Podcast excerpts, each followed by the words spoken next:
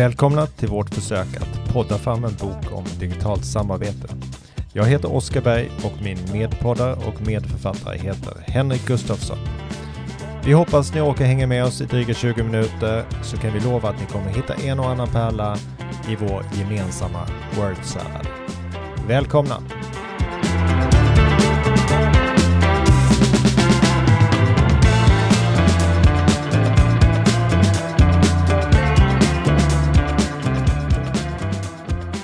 Ja, okej okay, Oskar. Möten.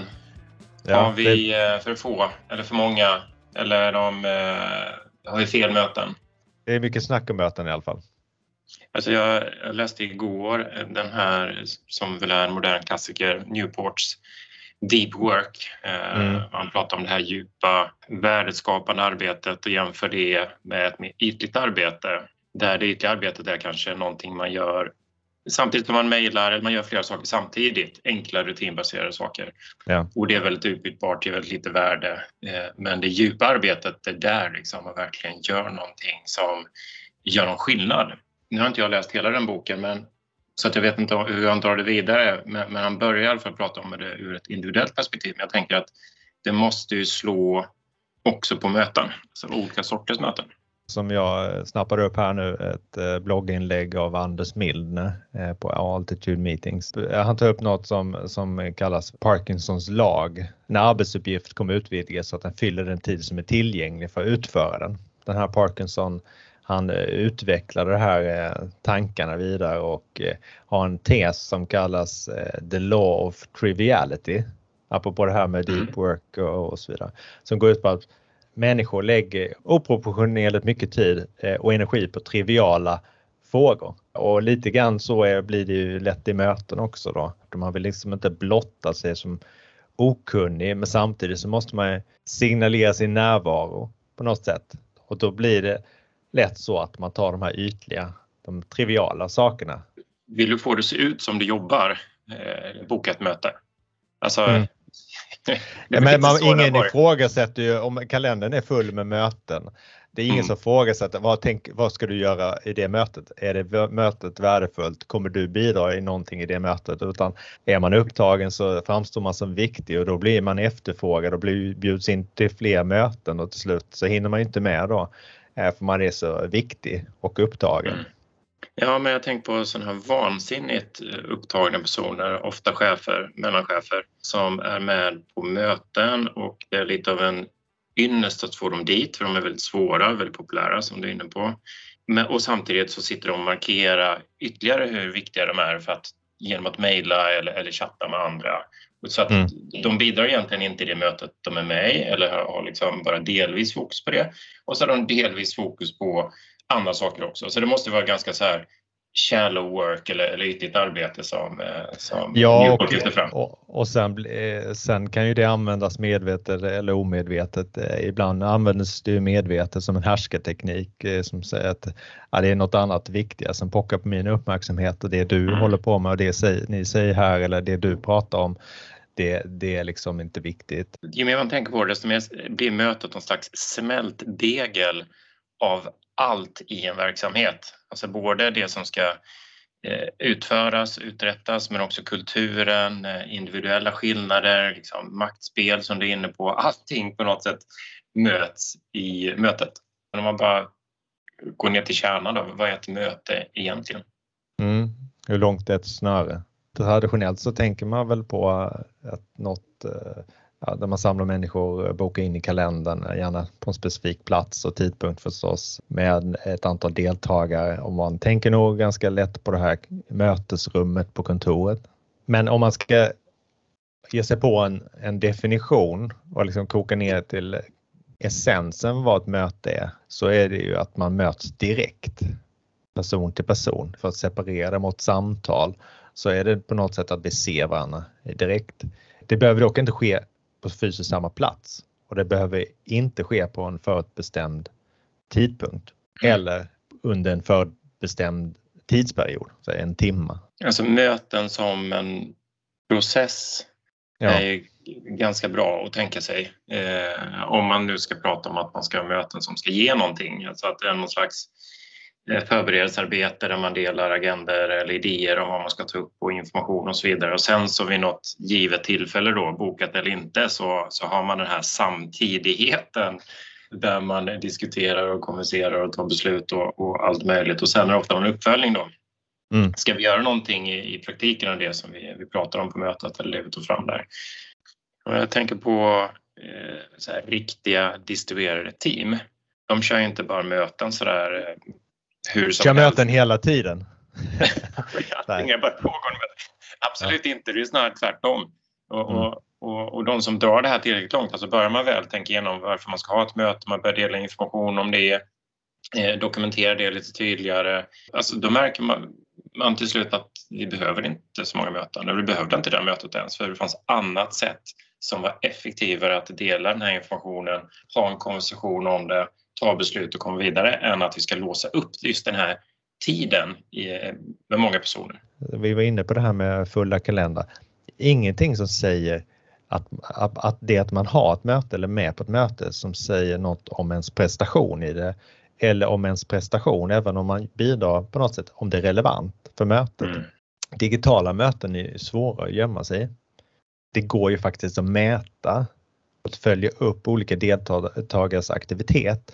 Så att det är svårt att säga vad de gör om det är värdefullt men att de gör någonting och att de bidrar kommer ju gå att utvärdera på ett annat sätt. Och är det så att man bara behöver lyssna och ta del av informationen, ja då behöver man faktiskt inte låsa upp sin tid i det här mm. mötet. Ja, man ska vara tydlig med, nu pratar vi i termer av effektivitet och behöver vi möten och så här. Det kan ju låta fruktansvärt tråkigt på något sätt. Men, men det är inte det att vi är emot att träffas, att umgås, att vara sociala och så vidare, utan det handlar mer om att vi ser ur kontexten att tid är en bristvara och energi är en bristvara i, på modern arbetsplats. Det händer för mycket saker och jag måste prioritera min tid. Det är inte bara sin tid man ger, ger bort utan det är sin flexibilitet. Absolut. Men det jag tänker på här, det handlar om en slags prioritering av sin tid, man vill tillbringa den tid och energi man har på meningsfulla saker och det är egentligen det vi vill komma till. Mm. Eh, det är kanske inte på ett sätt det effektiva mötet som är målet här men, men säg det engagerande mötet då.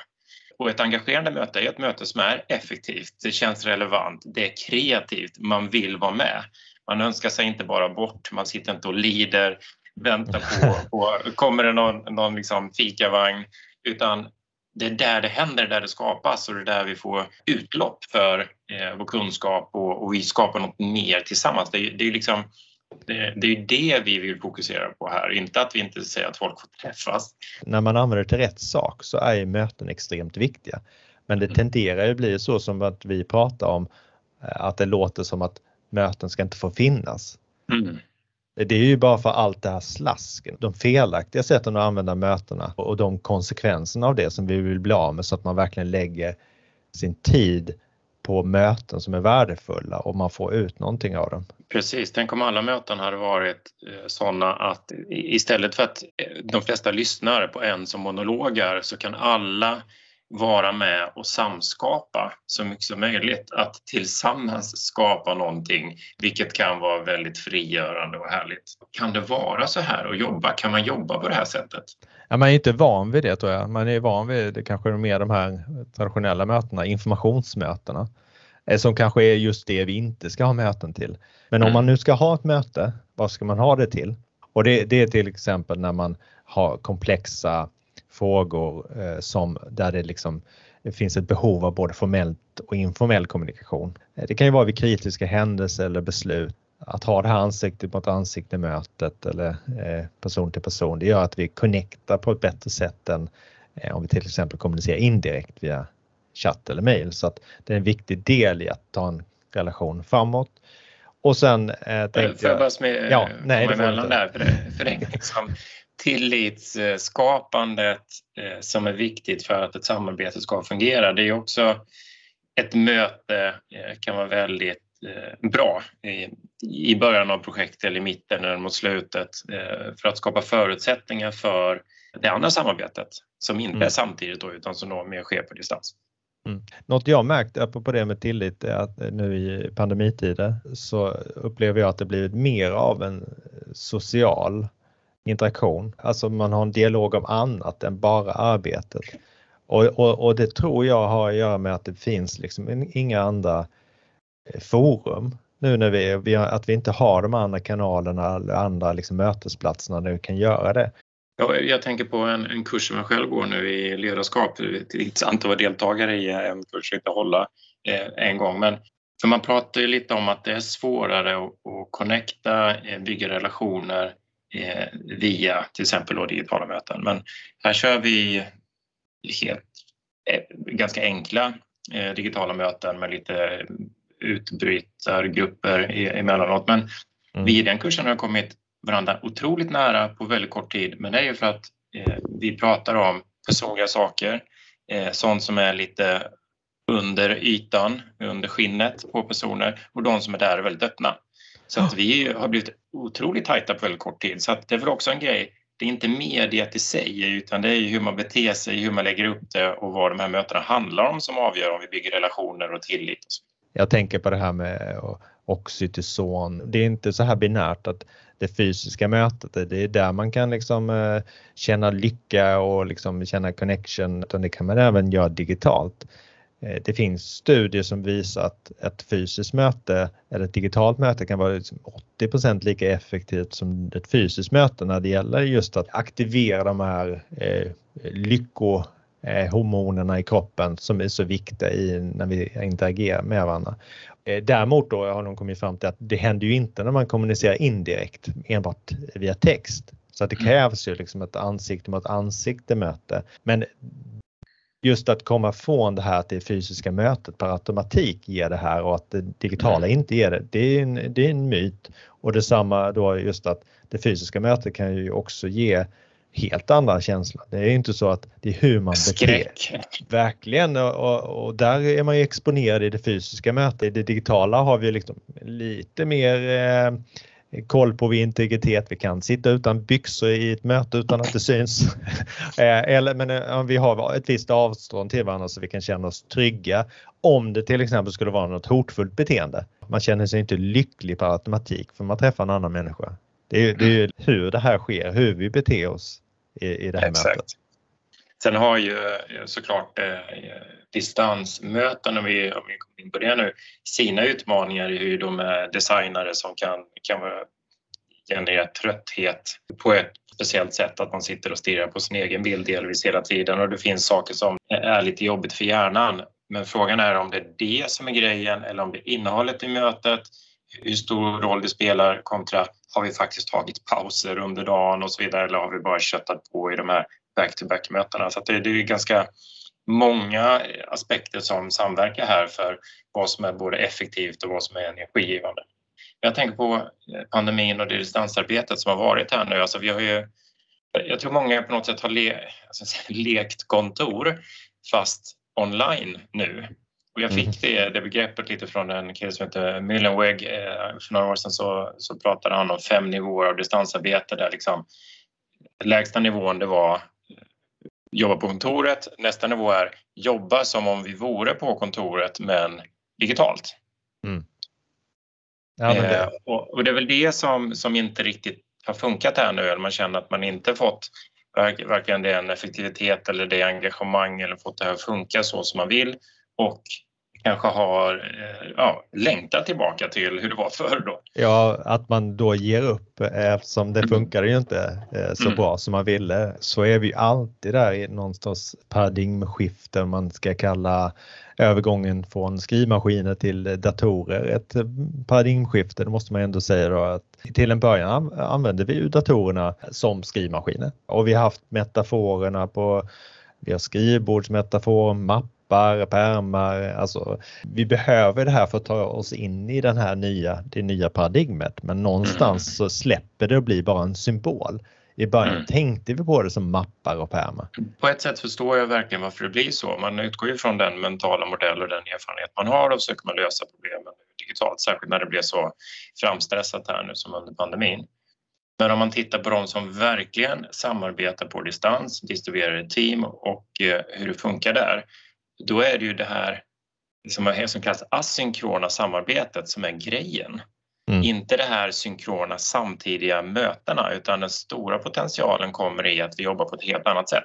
Men det måste man lära sig. Alltså det, man måste drillas lite in i det. Det är inget som bara eh, är självklart. Nej, det, det är klart det blir ett annat beteende och kanske också en annan inställning. Dels att eh, man börjar jobba med tavlor och men också att man måste bli mer transparent och öppen.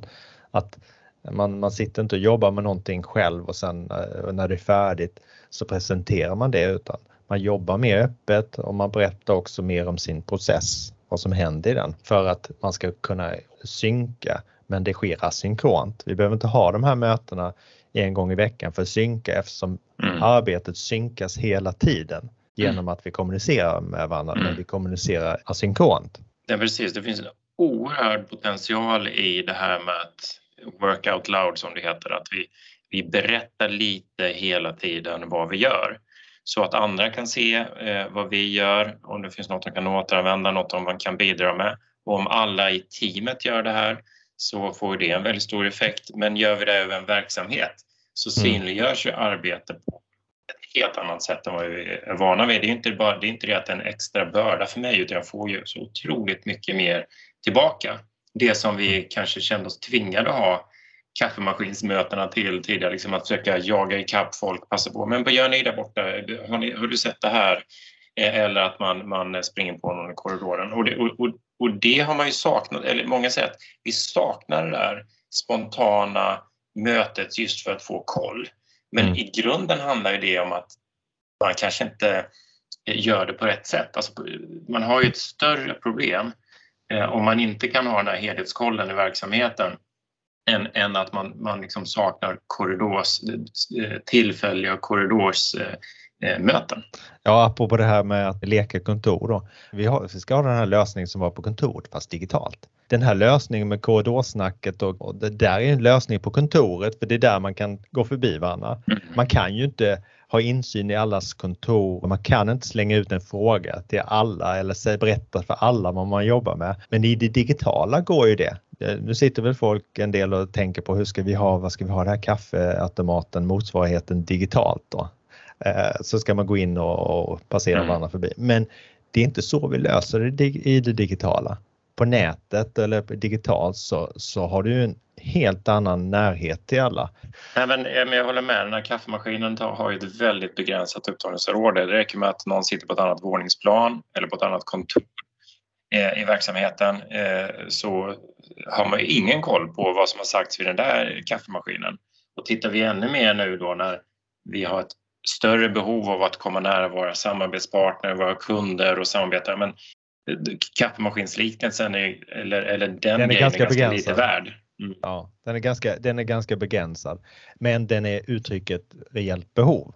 Mm. Och då är det liksom behovet vi ska titta på och se vad finns det för lösningar på det behovet? Hur kan vi ja. tillgodose det behovet? Och där är vi liksom, tenderar vi, apropå det här med leka kontor, vi tar med oss de lösningarna vi känner, känner till in i det digitala istället för att titta på behoven och se hur löser vi de här behoven i det digitala med de här möjligheterna som finns här. Mm.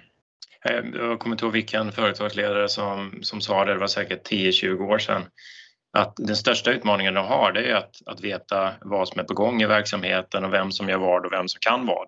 Och det är mm. egentligen, där har vi ju digitala möjligheter att synliggöra det på, på ett annat sätt. Tänk om vi visste det vi inte vet. Precis. Nej, men det är, och det är ju det här, det är inte, jag tycker att debatten nu kan vara lite polariserad här nu med de som är älskar det digitala eh, och de som älskar eller, eller saknar eller har lite eh, rosig bild av hur det var att vara på kontoret. Men, men mm. vägen framåt är såklart både och. Vi vill inte att allt ska ske digitalt. Vi vill inte ha eh, att möten ska försvinna. Vi vill ju att man gör det, att det ska finnas något värde i det och att det passar situation och, och, och person. Möten, Oskar. Ja, jag ska snart in i nästa möte här. Eller hur, hur sammanfattar vi det här då när vi sprungit runt ur lite olika perspektiv? Jag bara, om jag reflekterar själv så vad jag är ute efter, vad jag vill komma åt det är ju de här engagerande, kreativa, härliga mötena. Sen är det inte sagt mm. att vi ska ha möten hela tiden men, men, när vi har dem så är det någonting som går lite mer på djupet, eh, skapar ett bra resultat men också samtidigt bygger relationer. Och det är det, det, dit någonstans vi behöver, ja, där behöver vi jobba mer. Ja, att vi, att vi jobbar, fokuserar på hur vi kan jobba smartare tillsammans och mm. Eh, när vi gör det så kommer vi också lösa upp massa knutar som gör att livet blir enklare i, i allmänhet då, att vi blir mm. mindre inlåsta och, och så att smartare på jobbet, jobba smartare tillsammans så kommer det också bli en enklare life balance eh, situation. Ja, tack för ett bra samtal Oskar. Nu kanske någon tycker att det här var det ytligaste de eh, hört på länge, men, ja, men vi, vi har ju bara följt, vi har ju bara följt Parkinson där. Vi har ju fokuserat på de triviala frågorna. Exakt. För att fylla ut mötet.